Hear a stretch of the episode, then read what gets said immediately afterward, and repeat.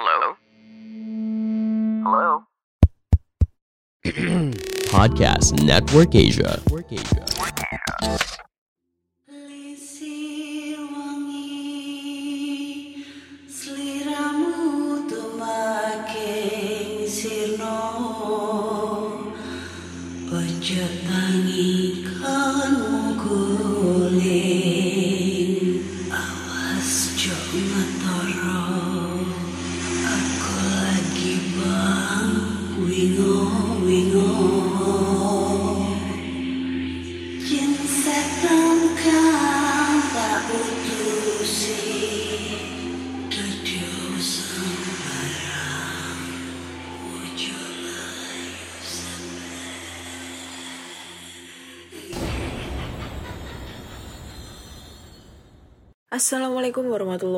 wabarakatuh. Selamat datang di podcast kisah horor.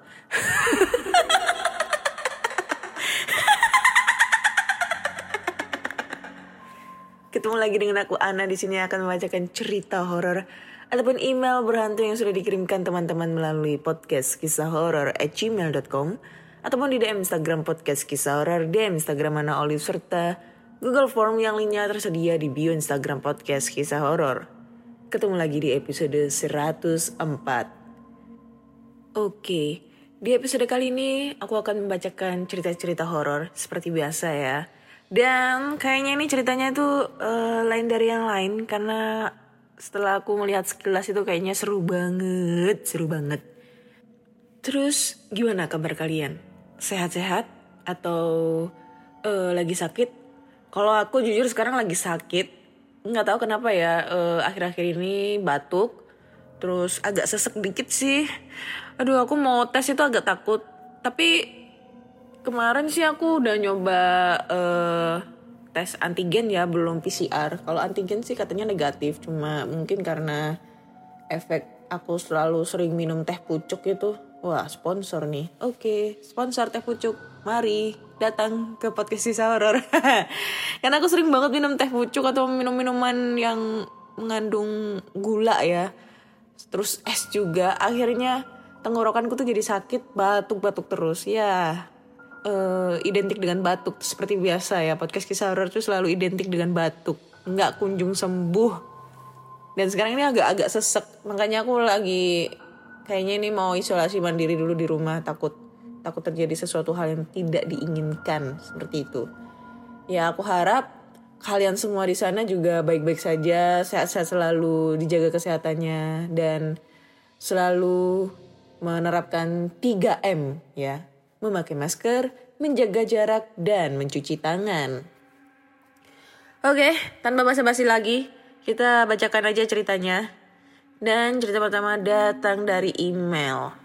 Sorry ya, agak bindeng suaranya. Hmm, bindeng. cerita pertama. Judulnya adalah Pintu Masuk Negeri Jin. Oke. Selamat malam Mbak Ana, nama saya Iwan. Saya hendak menceritakan pengalaman almarhum paman saya yang diceritakan pada saya. Kejadian ini terjadi pada tahun 1979 sampai 1980 di Kalimantan Timur. Saat paman saya bekerja sebagai surveyor pengukuran tanah. Pada saat itu memang lagi ramai pembukaan lahan hutan untuk dibuat pemukiman transmigrasi. Sebagai seorang surveyor, Paman harus mau dan bisa tidur di mana saja di hutan lebat. Karena kalau harus kembali ke camp jaraknya lebih dari 10 km ke lokasi pengukuran. Walhasil habis waktu di jalan. Suatu hari pamanku sedang melakukan pengukuran di dalam hutan. Pada waktu itu, waktu menunjukkan jam 4 sore, sudah memasuki waktu sholat asar. Maka pamanku segera berwudu di sungai dekat situ dan langsung bersiap sholat asar. Pada saat sholat, tidak ada kejadian apa pun. Namun setelah selesai sholat, di hadapan paman yang tadinya pohon-pohon hutan lebat, tiba-tiba hilang dan berubah menjadi tempat keramaian seperti pasar. Ada beberapa dari orang-orang di sana memanggil-manggil paman dengan melambaikan tangannya. Namun pamanku diam saja dan segera menyelesaikan wirid dan doa lalu mengusap wajahnya. Begitu selesai mengusap wajah, keramaian itu pun hilang dan kembali jadi hutan belantara. Begitu paman menceritakan ini pada guide atau pengantar yang asli orang Kaltim, bahwa paman sudah melihat salah satu gerbang ke negara jin. Demikian pengalaman paman saya yang telah diceritakan pada saya. Terima kasih Mbak Ana telah membacakan cerita ini. Maaf jika terlalu panjang. Oke, okay, thank you Iwan uh, untuk ceritanya. Kalimantan. Kalimantan adalah sejuta uh, pulau mistis kalau menurut aku ya. Kenapa aku bisa bilang kayak gitu? Ini sama juga dengan pengalamanku. Ya kebetulan dulu aku adalah seorang pelaut, ya kan, yang uh, berlayar ke sana ke, sini mencari se mencari apa ya? Mencari cinta. Anjay ya nggak lah cari duit cari cuan. Dulu waktu lulus kuliah. Jadi kebetulan kapal aku itu dulu hmm, lainnya Surabaya Kalimantan. Dan kebetulan eh, kapalku itu ngangkut kayak beras ngangkut gula ngangkut pokoknya sembako lah ke Kalimantan. Nah, pada saat itu uh, kapal kita lagi ada perbaikan tuh di Kalimantan. Dulu tuh di Kalimantan mana ya? Samarinda tuh mana gitu loh. Nah, pas ke kebetulan uh, salah satu kru kapal aku itu adalah siap, uh, dulu itu dia jabatannya jadi jurumudi. Nah, ma pacarnya itu orang Kalimantan kebetulan dia kan orang Jawa terus pacarnya orang Kalimantan nah kebetulan pas kapal itu lagi perbaikan itu kan agak lama sekitar ya satu mingguan. Alhasil dianya izin mau pergi ke rumah hmm, pacarnya. Dia ke sana itu sama temennya berdua. Berdua naik motor. E, waktu itu kebetulan di dekat dermaga itu ada persewaan motor. Nah dia nyewa motor. Mengandalkan dari Google Maps. Nah pas lagi dia jalan itu dia itu katanya itu disasarin ke area hutan-hutan gitu loh. Jadi Kalimantan yang di rumahnya pacarnya itu itu emang masih kayak pedalaman gitu loh, masih kayak melewatin hutan-hutan belantara gitu loh. Belum belum ke kota. Jadi masih kayak ke hutan-hutan gitu. Nah itu pas kebetulan itu si kan yang nyetir itu kan temen temennya nih yang si jurumudiku itu kan dibonceng yang pakai apa nunjukin pakai Google Map. Itu katanya dia tuh disasarin. Pokoknya itu dia tuh muter aja di lokasi tersebut. Jadi pas dilihat di map itu mapnya itu benar kayak jalan. Jalan nunjukin jalan. Jalan muter muter muter muter muter. Terus habis itu ketemu lagi di lokasi yang sama. Terus dia kan masih belum ngeh tuh jalan lagi muter muter muter muter ketemu lagi di lokasi yang sama dan itu sampai empat kali dia muter-muter di situ. Untungnya pas dia lagi muter-muter itu ketemu sama warga di sana yang lagi ngambil apa gitu ngambil kayu atau apa gitu di sana. Pokoknya bapak-bapak tua gitu. Pas tanya-tanya bapak-bapak itu uh, di, dia bilang pak ini arah ke jalan apa gitu loh? Ke desa apa itu di mana ya pak ya? Soalnya saya dari tadi muter-muter terus di sini sampai empat kali. Terus kata si bapak lah kan jalannya nggak lewat sini. Mas jalannya lewat sana gitu. Jadi dia tuh kayak salah jalan gitu loh. Tapi di Google Mapnya tuh benar kalau jalannya tuh di situ. Dan katanya sih dia disasarin penghuni di situ. Ya anggap aja sebagai perkenalan selamat datang di kota di Kalimantan gitu katanya. Itu sih pengalaman dari teman aku. Tapi ya bener sih emang di Kalimantan itu uh, masih masih apa ya ibaratnya tuh masih mistik banget itu loh hutan-hutannya. Dan aku tuh penasaran banget sama katanya sih ada villa villa villanya Bung Karno apa villanya Soeharto gitu di sana yang banyak banget kuntilanaknya di daerah Pontianak atau apa gitu loh. Makanya kan katanya Pontianak itu kan terinspirasi dari kuntilanak. lupa aku. Apa gitu loh kata-katanya itu Pontianak itu. Coba aja search di Google. Nah itu. Katanya itu di salah satu hutan khusus itu terdapat banyak sekali kuntilanaknya di sana. Bisa sampai ratusan ribuan kuntilanak di sana kalau kalian nggak percaya coba aja uh, lihat di YouTube Mister Tukul jalan-jalan nah itu itu pernah ngebahas dan pernah ke sana dia keren sih tapi ya setornya malah kalau ke sana katanya sih sebenarnya bahkan bisa sampai meninggal kalau orang kalau ada cowok ke sana gitu. Hei, jangan coba-coba ke sana. Udah di di sini juga banyak kuntilanak. Kalau kalian mau tinggal panggil aja kuntilanak muncul kok dia. Siapa di sini yang suka nonton film horor? Sama nih kayak aku. Aku tuh suka banget nonton film horor, apalagi yang lagi tayang di bioskop. Tapi kadang suka kesel, giliran mau nonton, eh filmnya udah selesai. Bingung mau nonton di mana. Secara di YouTube juga nggak ada.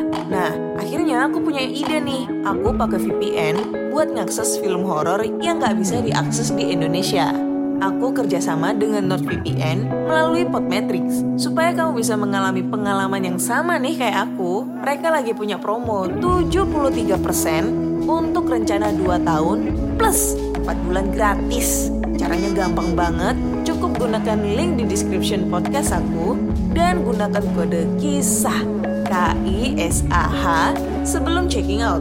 Mereka juga menawarkan 30 hari promo garansi uang kembali. Apalagi yang kamu tunggu? Silakan daftar NordVPN sekarang.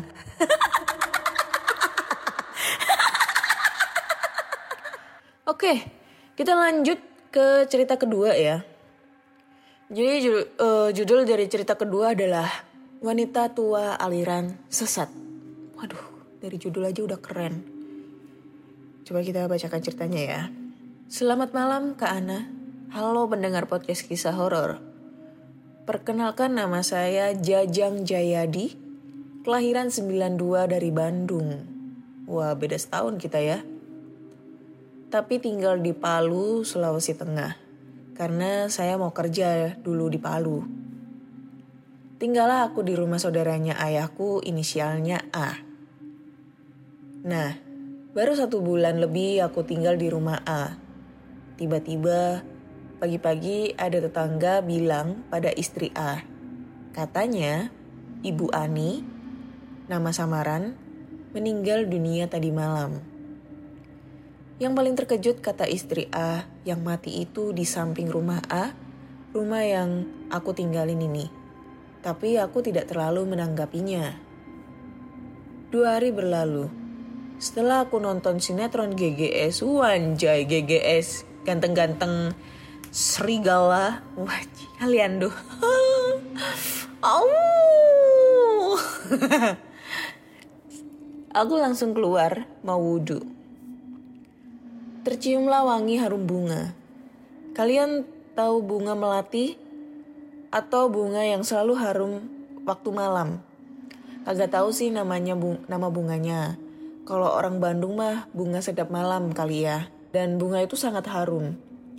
Dalam pikiranku, mungkinkah ini pertanda wangi dari wanita yang meninggal itu? Tapi aku tidak memperdulikannya lagi. Beberapa minggu kemudian, istri A bercerita. Katanya, istri A mimpi ketemu perempuan yang meninggal itu sambil tersenyum. Dan istri A menceritakan kenapa perempuan itu meninggal. Kata istri A, tahu kagak Jang? Katanya, apa teh? Jawab aku. Kata tetangga teteh, dengar kenapa perempuan itu meninggal. Karena seorang wanita tua itu datang menghampiri perempuan yang meninggal itu. Emang ada apa dengan wanita tua itu teh? Warga kampung di sini sudah pada tahu bahwa wanita tua itu dan saudaranya memiliki kekuatan hitam. Dan wanita tua itu selalu mengincar anak-anak dan wanita hamil di waktu maghrib. Maka dari itu, anak-anak di sini tidak boleh keluar pada waktu maghrib. Dan Tete juga baru tahu bahwa perempuan itu lagi mengandung. Kata orang tu, kata orang, wanita tua itu melewati rumah itu waktu maghrib. Teteh juga pernah lihat waktu ada mayat yang meninggal di dekat jalan, wanita tua itu selalu hadir. Dan ketika keluarganya mencium pipi mayat untuk terakhir kalinya, wanita itu gelisah seperti pengen menciumnya juga dan bilang harum, harum, harum. Dan terkejutlah orang-orang ketika wanita tua itu mencium bibir mayatnya dan seperti menghisapnya. Wajir. Kayak penyihir anjay. Dan perempuan yang meninggal di samping rumah aku itu juga sama. Dia seperti dihipnotis dan wanita tua itu suka mengambil janin wanita hamil. Langsung dengan tangannya sendiri dan waktu dimandikannya, lubang bawah itu bolong besar. Anjir. Anjir. Seketika aku langsung melihat anjay punya aku sendiri. Makanya Teteh juga kalau hamil diam terus di kamar. Kalau ke dapur juga minta dianterin. Pas waktu Teteh lagi hamil, dan waktu sore mau azan maghrib, Teteh tuh kan haus mau ambil minum ke dapur. Dan di belakang rumah ada yang ketawa seperti suara suara ketawa kuntilanak. Dan yang anehnya, selalu ada wanita tua itu. Teteh langsung ke kamar. Nah itu sebabnya perempuan itu meninggal dunia. Kata orang di sini disebut pok-pok. Oke kak, sekian dulu cerita dari aku ini. Cerita ini nyata kak dan ini diambil dari kisah tahun 2014. Oke, thank you Jajang Jayadi uh, untuk ceritanya. Kayak anu ya, banyak ceritanya ya. Oke. Uh, jadi ini ceritanya tentang tetangganya temannya si Jayadi ini meninggal, seorang wanita lagi hamil dan katanya itu yang yang membuat dia meninggal adalah seorang wanita tua yang selalu uh, menghampirinya. Dan katanya sih dia disebut dengan pok pok. Apakah dia itu ayam pok pok? Enak dong kalau ayam pok pok, chicken pok pok rasa barbecue.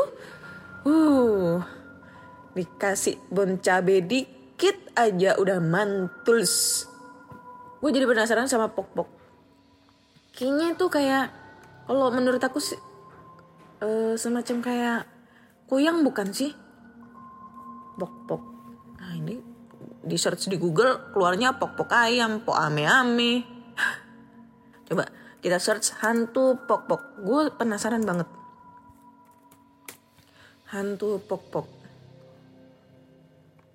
menurut Wikipedia jadi hantu pok-pok atau yang sering disebut juga sebagai hantu popo merupakan hantu yang berasal dari mitos masyarakat Sulawesi. Berdasarkan tradisi-tradisi lisan yang ada di masyarakat Sulawesi, hantu pok-pok merupakan siluman yang bisa terbang di malam hari sambil mengeluarkan suara pok-pok-pok yang berwujud manusia, berkepala, dan organ dalam tubuh saja. Oh ya bener, kayak kuyang ini serta memiliki mata yang merah dan lidah yang sangat panjang. Banyak pula masyarakat meyakini bahwa hantu pok-pok merupakan hantu kuyang versi tradisi lisan masyarakat Sulawesi. Jadi hantu pok-pok itu sejenis kayak kuyang ya guys. Cuma bedanya kalau coba ya, kalau kuyang-kuyangnya di Kalimantan itu kayak gimana sih? Kuyang Kalimantan. Apa mengeluarkan kata pok-pok-pok juga kayak ayam pok-pok? Oke, kalau kuyang, kuyang adalah folklore tentang siluman berwujud kepala manusia dengan isi tubuh menempel tanpa kepala dan anggota badan yang dapat terbang untuk mencari darah bayi atau darah wanita setelah melahirkan. Makhluk ini dikenal sebagai dikenal masyarakat di Kalimantan.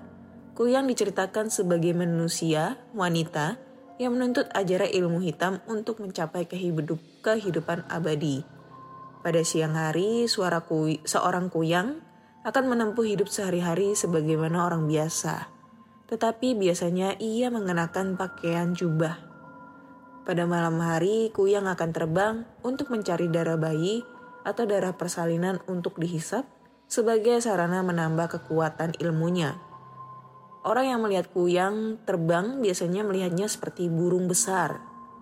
Untuk menghadapi korbannya, perlu menggunakan sapu ijuk atau memukulkan perabot rumah tangga seperti panci atau wajan. Jadi ini bedanya guys, kalau kuyang kuyang di Kalimantan itu uh, ben, bentuknya sama dengan kuyang Kalimantan sama pok-pok di Sulawesi. Cuma yang membedakan kalau kalau kuyang ini mungkin diem aja ya kalau terbang ya zzz, ter, diem. Tapi kalau uh, di Sulawesi itu dia ada bunyinya pok pok pok pok pok. Nah itu berarti hantu pok pok gitu ya. Terus uh, kalau kuyang ini mungkin lebih ke menghisap darahnya saja. Tapi kalau kalau di Kalimantan, eh kok Kalimantan Sulawesi, hantu pok-pok tersebut itu lebih membuat si korbannya meninggal. Seperti itu. Jadi lebih agresifan yang hantu pok-pok ya dibandingkan kuyang. Dan cara menghadapi hantu kuyang tersebut memang menggunakan sapu ijuk tinggal di lem pukul-pukul aja pakai sapu ijuk atau rumah perabotan rumah tangga. Jadi emang bener mungkin uh, tujuannya mereka berdua tuh sama untuk mendapatkan suatu keabadian. Biasanya sih biasanya sih kalau orang yang menganut ilmu hitam seperti ini tuh bisa awet muda, umur panjang, terus menambah kesaktian, kecantikan, dan juga mungkin bisa jadi kaya juga sih, seperti babi ngepet. Tapi ya serem juga anjir, kepala doang, jeroan, wah anjir. Coba kalau kalian ketemu hantu kuyang tersebut atau hantu pok-pok, tangkep, ceret, ya, gak usah takut, tangkep aja, itu sama aja dia manusia, tangkep, ceret, masukkan dalam karung, habis itu potong lehernya, ceret, das mati. Hatinya jual ginjalnya jual paru-parunya jual matanya jual. Terus apa lagi? Udah itu. Itu yang paling mahal guys. Hati itu bisa 2,1 m. Ginjal itu dua-duanya tuh bisa sampai 2 miliar. Mata apa lagi kan? Wah kalau kita nemuin kuyang kaya kita guys. Beneran kalau nggak kalian nggak percaya coba datang ke Kalimantan atau ke Sulawesi. Cari itu yang namanya kuyang sama pok-pok. Tangkep masukkan karung. Zzz, masuk karung kan? Terus habis itu keluarin karungnya. Bawa parang jedak das. Potong lehernya. Kita jual ginjalnya sama hatinya. Mahal guys. Hati 2,1 m bisa dapat rumah itu satu unit rumah. Lumayan kan? Ya udah kita nggak bakal masuk penjara. Orang yang dia kuyang kok. Kecuali kalau dia manusia. Kan dia jadi kalau jadi kuyang jadi setan bukan jadi manusia. Walaupun dia sebenarnya manusia. Ya kan? Nggak ada yang curiga. Keren nggak? Keren banget itu. Itu adalah salah satu jalan alternatif mencari uang di di zaman seperti ini karena covid-19 uh, Ah, Surabaya nggak ada kuyang sih. Coba kalau ada kuyang Surabaya, praktekin.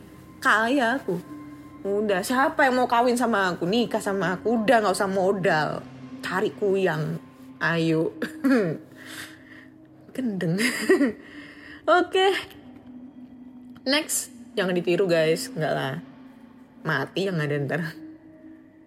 Next, kita lanjut ke cerita kedua. Cerita kedua langsung aja. Aneh ya. Cerita kedua. Judulnya adalah Ruangan Misterius di Kantor. Perkenalkan nama saya Eno. Cerita misteri yang saya alami ini terjadi pada tahun 99. Pada saat itu, saya bekerja di perusahaan developer di daerah Kelapa Gading. Ketika itu kantor kami sedang membangun gedung kantor sekitar 19 lantai. Pada suatu Jumat siang, ketika karyawan laki-laki sholat Jumat dan karyawan putri juga telah keluar kantor untuk sekedar jalan-jalan ke mall. Saya bermaksud makan siang di kantin basement dengan menggunakan lift. Ketika masuk lift dan memencet tombol, tiba-tiba tombol di setiap, di setiap lantai menyala semua. lift tertutup dan seperti bergerak naik dengan cepat. Saya panik karena rasanya seperti naik jet coaster. Kepala saya pusing dan tiba-tiba lift berhenti. Tombol lantai mati semua dan liftnya ter terbuka pada suatu ruangan. Saya sangat asing dengan ruangan tersebut. Ruangan itu berinterior seperti sebuah rumah, sebuah ruangan dengan gaya tradisional. Seketika tercium wawangian. Pencahayaannya yang remang-remang membuat ruangan itu terlihat indah sekali. Awalnya saya tergoda untuk melangkah keluar lift dan masuk ke ruangan itu. Tapi saya segera tersadar bahwa tidak ada ruangan seperti itu di gedung ini karena saya adalah salah satu tim perencananya. Seketika saya segera memencet tombol satu dan langsung turun ke bawah. Alhamdulillah saya bisa keluar lift dan tidak masuk ke ruangan misterius itu. Mungkin jika saya masuk, saya akan terjebak, terjebak, terjebak anjir lah. Dan tak akan pernah kembali ke dunia nyata. Thank you Kak Ana sudah dibacakan ceritanya. Mohon maaf jika ceritanya kurang seram. Oke, okay, thank you Kak Eno ya. Kak lah, aku panggil Kak aja lah atau Pak. Kak ya. Kak. Eno ini cewek apa cowok sih? Kak aja lah karena 99 cuy udah kerja. Aku 99 masih SD. Kelas berapa ya? 97 aja kelas 1. 92, 98 kelas. Ih, kelas 3 SD. Dia udah kerja. Sesepuh, Bro. Wah, serem ya ya emang kayak gitu sih namanya kantor sebuah kantor tingkat itu aduh sumpah serem banget cuma aku belum pernah ya mengalami kerja yang kantornya tingkat-tingkat itu belum pernah eh, secara aku kerjanya juga di kapal sama di perusahaan karoseri di bengkel jadi nggak pernah nikmatin namanya kantor sampai gedungnya bertingkat-tingkat gitu berlantai 10 lantai 12 belum pernah tapi ini menjadi suatu suatu pengalaman nih buat aku. Aku agak sedikit bercerita ya. Ah, sedikit. Udah terlalu sering mah cerita.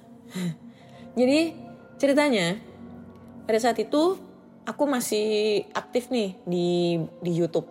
Nah, Waktu itu kita mau ngadain explore di salah satu hotel terbengkalai di Surabaya. Adalah hotel terbengkalai di Surabaya. Coba kalian cek aja di daerah Majen Sungkono.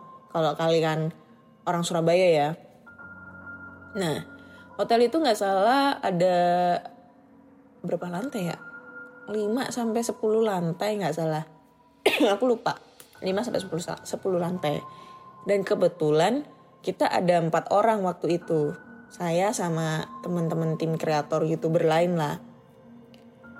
Nah pada, saat itu uh, kebetulan saya sih sebenarnya nggak pengen nge YouTube ya waktu itu karena emang sebenarnya udah vakum, udah nggak mau nge YouTube lagi. Cuma penasaran sama itu hotel. Jadi waktu pada saat temanku temanku ngajak, ayo explore di hotel, oke okay lah kita berangkat. Nah kita berangkat itu jam 11 malam.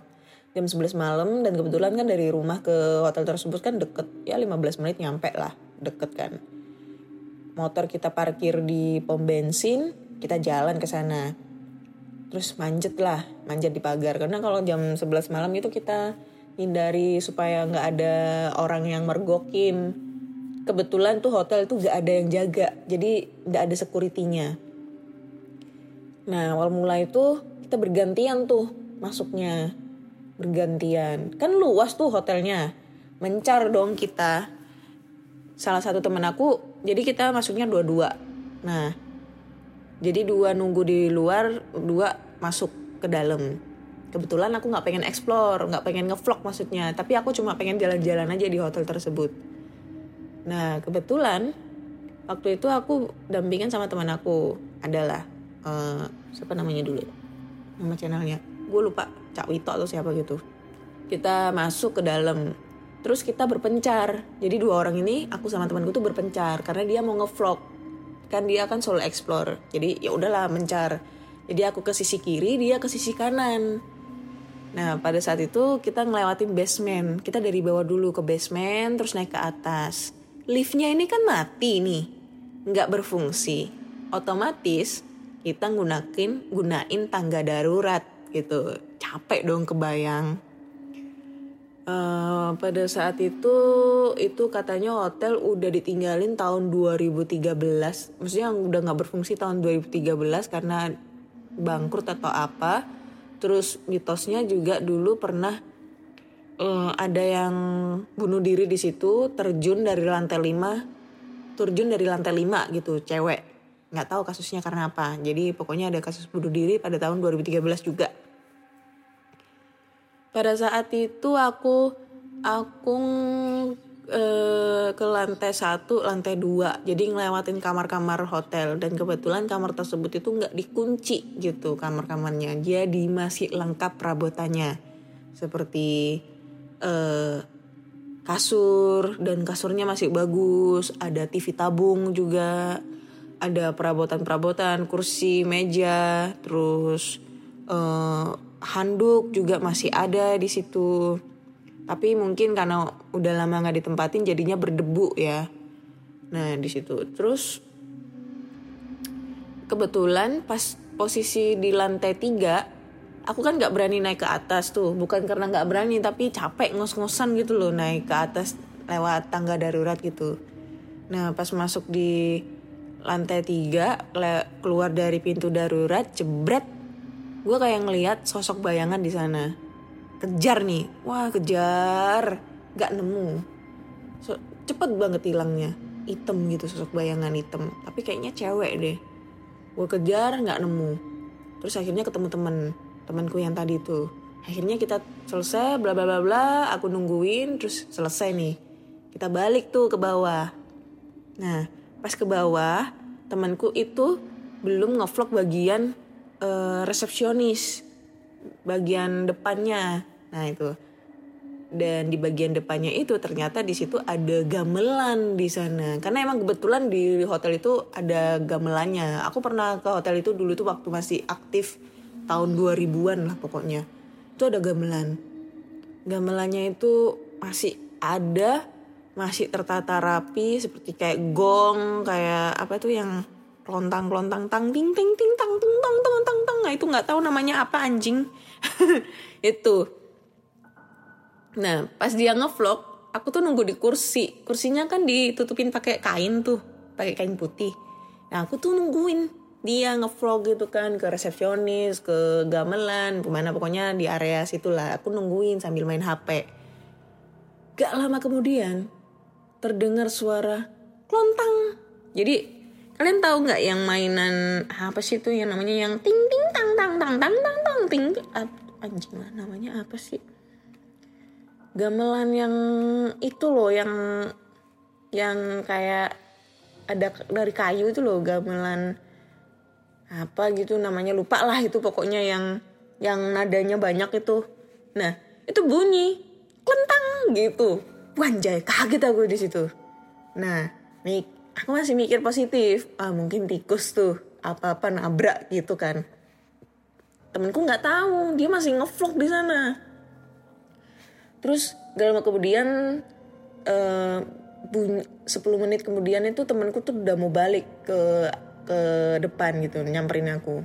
Pas dia nyampe depan meja resepsionis itu bunyi lagi gamelannya jadi gong gongnya itu kayak ada yang mukul ngelempar pakai batu.